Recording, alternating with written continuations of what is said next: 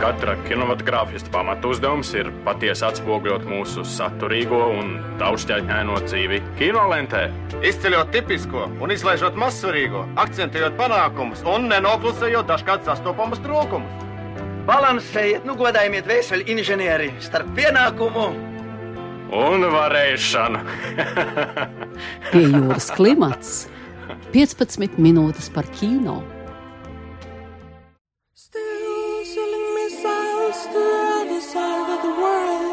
if we didn't care what happened over there. Still treating women like they're supposed to be cuter and smarter than it's meant to be accepted. Labdien, mīļie radioklausītāji! Šodien raidījumā būvēsim laika tiltus uz divām nelielām kinematogrāfiskām salām - uz Fori Zviedrijā un Kihnu Igaunijā, kā arī runāsim par pamatiedzīvotāju kino un tā režisoriem. 1918. gada 14. jūlijā Upsalā, Zviedrijā, pasaulē nāca Ziemeļa Eiropas dižākais kino autors Ingmārs Bergmans. Par godu režisoru simtgadē Zviedrijas institūts īsteno plašu pasākumu programmu visā pasaulē, sākot no filmu skatēm un beidzot ar ceļojošu izstādi, kura oktobrī Rīgas starptautiskā kinofestivāla ietvaros būs apskatām arī Rīgā, Kino Splendid Palace.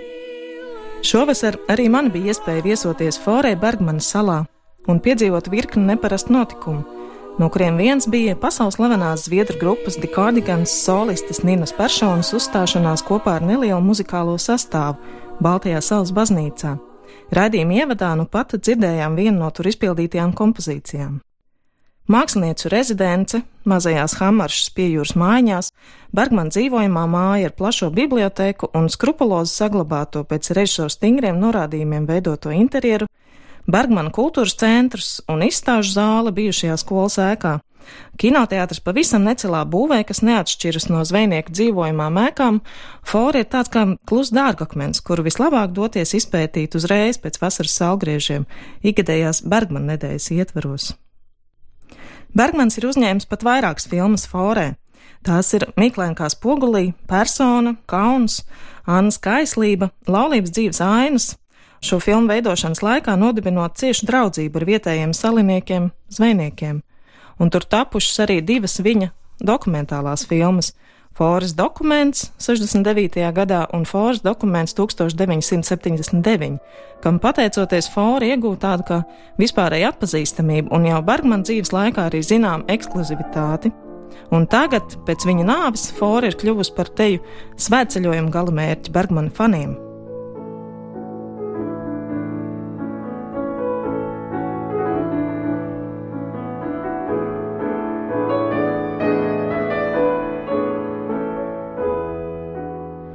Bergmanas simtgades svinot šķiet būtiski atskatīties uz mirkli, kad vēl tikai veidojās viņa personība, jo tieši par savu bērnību, sarežģītu, pretrunīgu emociju plosītu, Bergmans runā bieži, gan autobiogrāfijā, kur nereti patiesi fakti ir piedzīvojuši krāšņas kinematogrāfiskas transformācijas, tādai kā sižeta dinamikai par labu, gan arī savās filmās.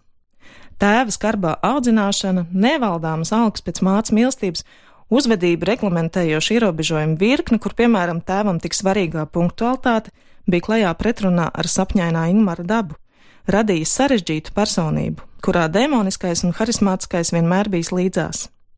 Kādā slavenā televīzijas intervijā, kuras ievadā Bergmana intervētājs Diks Kavets pieļauj komisku kļūdu, sajaucot filmu septītais zīmoks un septītais plīvurs nosaukumus, režisors ieskicēja sabiedrību, kurā viņš uzauga. It was quite another time. And my education, our education was very tough, very, mm -hmm. very hard. It was not to, the education that time, in the 20s, here in Sweden, was not to build up free uh, human souls, human beings. It was a rigid, St strong, strong characters. It was not. Mūsu audzināšana bija ļoti stingra, pat skarba. 20. gadu Zviedrijā audzināšanas un izglītības mērķis nebija radīt brīvus cilvēkus, brīvus dvēseles un spēcīgus raksturus. Tai bija jāiemāca pakļaušanās, jāveido paklausīgi, pakļāvīgi bērni, un principā vergi. Sabiedrības hierarhiskajā struktūrā pašā virsotnē bija dievs. Tad tēvs, tad dažus pakāpienus zemāk atradās māte, kam sekoja skolotāja, skola un, protams, vecākais brālis. Un tad jau viss pārējie - strādnieki, auklis. Un bērnu audzināšanu īstenoja visi iepriekš minētie, jo bērni nedrīkstēja izteikt savas domas, viņiem nebija tiesību. Vecāki nekad nevarēja atļauties atzīt savas kļūdas. Neviens no maniem vecākiem nereiz neatvainojās kādam no bērniem. Tas bija nepieļaujami. Vecākiem vienmēr bija taisnība, tāpat kā dievam un karalim. Parents were always right. Yes, they were always right, as God, as King.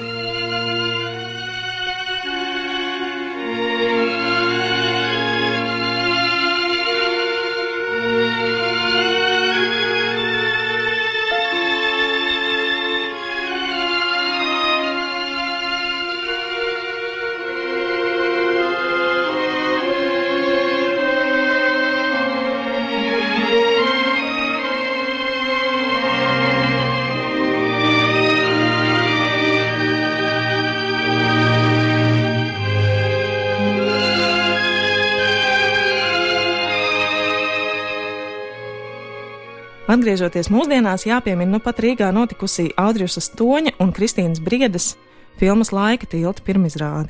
Par šo te topošo filmu mēs runājām jau pavasarī, kad pie jūras klimata studijā viesojās filmas producents Uldis Cekulis.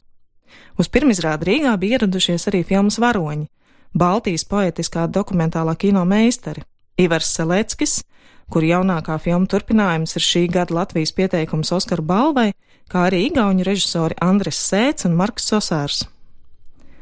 Viens no filmas režisoriem, Audrius Stonis, par filmas varoņiem saka, savos darbos viņa apgalvoja, ka kino spēj uzveikt nāvi, ka viss, kas tiek fiksēts dokumentālajā filmā, tiks saglabāts mūžīgi. Viņa man iemācīja būvēt tiltus no pagātnes uz nākotni. Tomēr Marks Sosārs laika tiltos runā par pasaules laicīgumu kā neizbēgamību. alta fuera, la camini, alta fuera, lauta soli neli, nuorta neidu, lauta soli neli, nuorta neidu.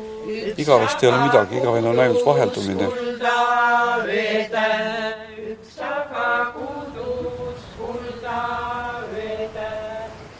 Jah, ja enne seda, kui ma seda Kihnu naise filmi tegin. Nav nekā mūžīga, ir tikai bezgalīgas variācijas. Pirms es uzfilmēju Kihnu sievu, arī pastāvēja kāda tad jau izzūdoša pasaule. Un pirms tam bija vēl kādi. Un šī izzūdošā pasaule, kurā mēs šobrīd dzīvojam, tiks aizvietot ar citām variācijām, ar citiem cilvēkiem, un tā tas vienkārši ir. Mums tas jāpieņem. Peame seda sallima.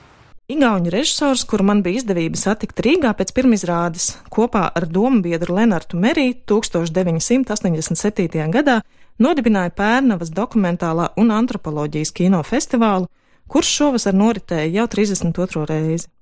Īpašā interese par antropoloģisko kino ir ietekmējusi arī Susāra dzīvesveidu. Viņš mīt uz nelielās Manilaidas salas blakus lielākai Kihno salai, kopj aitu un kāzu ganāmpulku, vada radio raidījumu Kihno valodā, kā arī veido jau trešo filmu par Kihnosāles ļaudīm. Pirmā bija Kihno sieva 1973. gadā, tai sekoja Kihnosalas vīri 1986. gadā, un šobrīd notiek montāža filmai par Kihnosalas bērniem. Un uz jautājumu, kā viņam izdevies apvienot šo dzīvu uz salas, politisko karjeru, kinofestivāla rīkošanu, kā arī filmu veidošanu, Marks Susārs atbild ar tādu kā misijas pārliecību.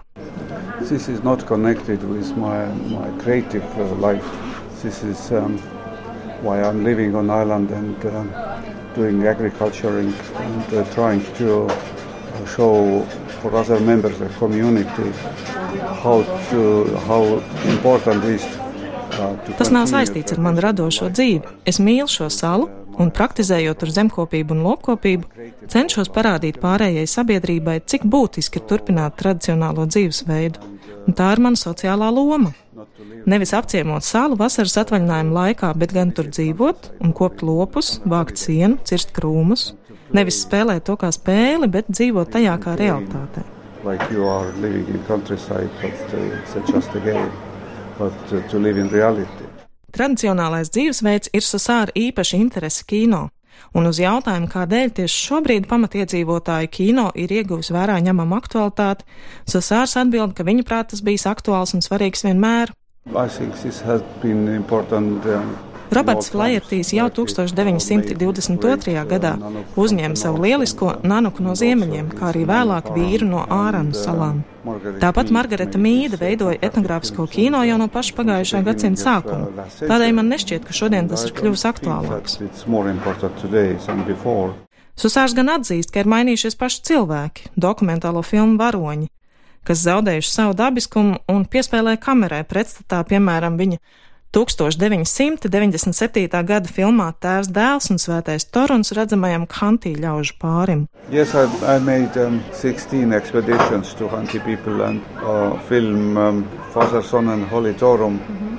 uh, this maybe 10 or 12 times. Uh, Toreiz, lai panāktu filmai nepieciešamo varoņu atraisītību un uzticēšanos, Susārs pie viņiem viesojās 10-12 reizes.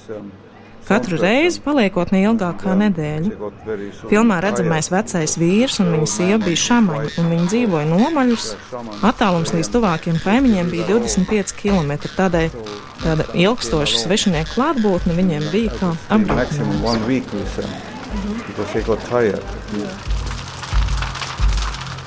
Eju, eju, kusu, kusu, eju, eju, kusu, kusu uni tule, uni tule uigates, uni tule, uni tule uigates, magamine marssides.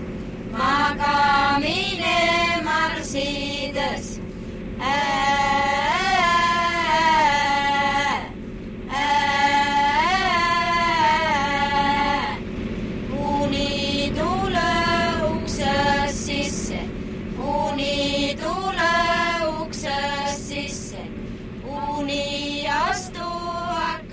Pamatiedzīvotāju kino tomēr piedzīvojis kardināls izmaiņas kopš nanuka no ziemeļiem. Mazo un netik mazo tautu pārstāvi vairs nav tikai eksotisks kino materiāls. Sāmi, tepat Ziemeļa Eiropā, Inuīti Kanādā, Amerikas pamatiedzīvotāji un aborigēni Austrālijā paši veido kino, gūstot nozīmīgu starptautisku ievērību. Tāds viens no starptautiski atpazīstamākajiem indigenous, jeb pamatiedzīvotāju režisoriem ir Austrālis Vorviks Torntons, kurš ievērību guva jau 2009. gadā ar filmu Samsons un Delila, kurai viņš bija gan režisors, gan scenārija autors, gan operators. Un šī filma saņēma arī balvu par labāko operatoru darbu Kanu kinofestivālā. Savukārt viņa jaunākais darbs, ko šoruden varēsim redzēt arī Rīgā, Jaukā zeme, saņēma žūrijas balvu 2017. gada Venecijas kinofestivālā. Un arī šī gada Venecijas kinofestivāls nu pat kā noslēdzies, galveno balvu piešķirot Alfonsa Kuarona melnbaltajai drāmai Roma, kas balstīta režisora atmiņās par bērnību Mehiko 70. gados, par labāko darbu apbalvojot Vilemu Defo par gleznotāju Vincentu Van Goga atveidojumu Juliana Šnābela filmā pie mūžības vārtiem, kā arī Olivija Kolmana Jorga Lantimus filmā Favorīta.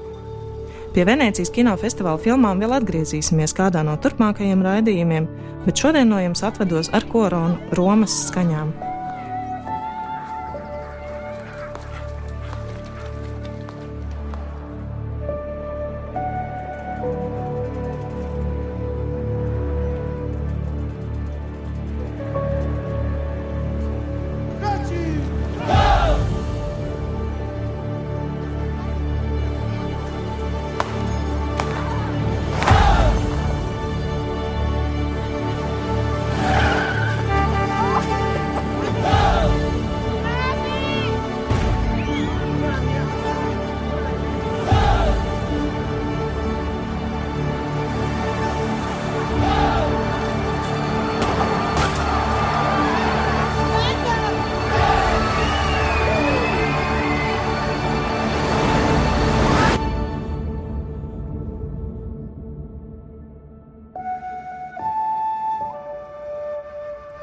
Raidījumu vadīja Sonora Broka, piejūras klimata producentas Inga Saksona un Agnese Zeltiņa. Raidījums tapis ar valsts kultūra kapitāla fonda atbalstu. Pie jūras klimats 15 minūtes par kino.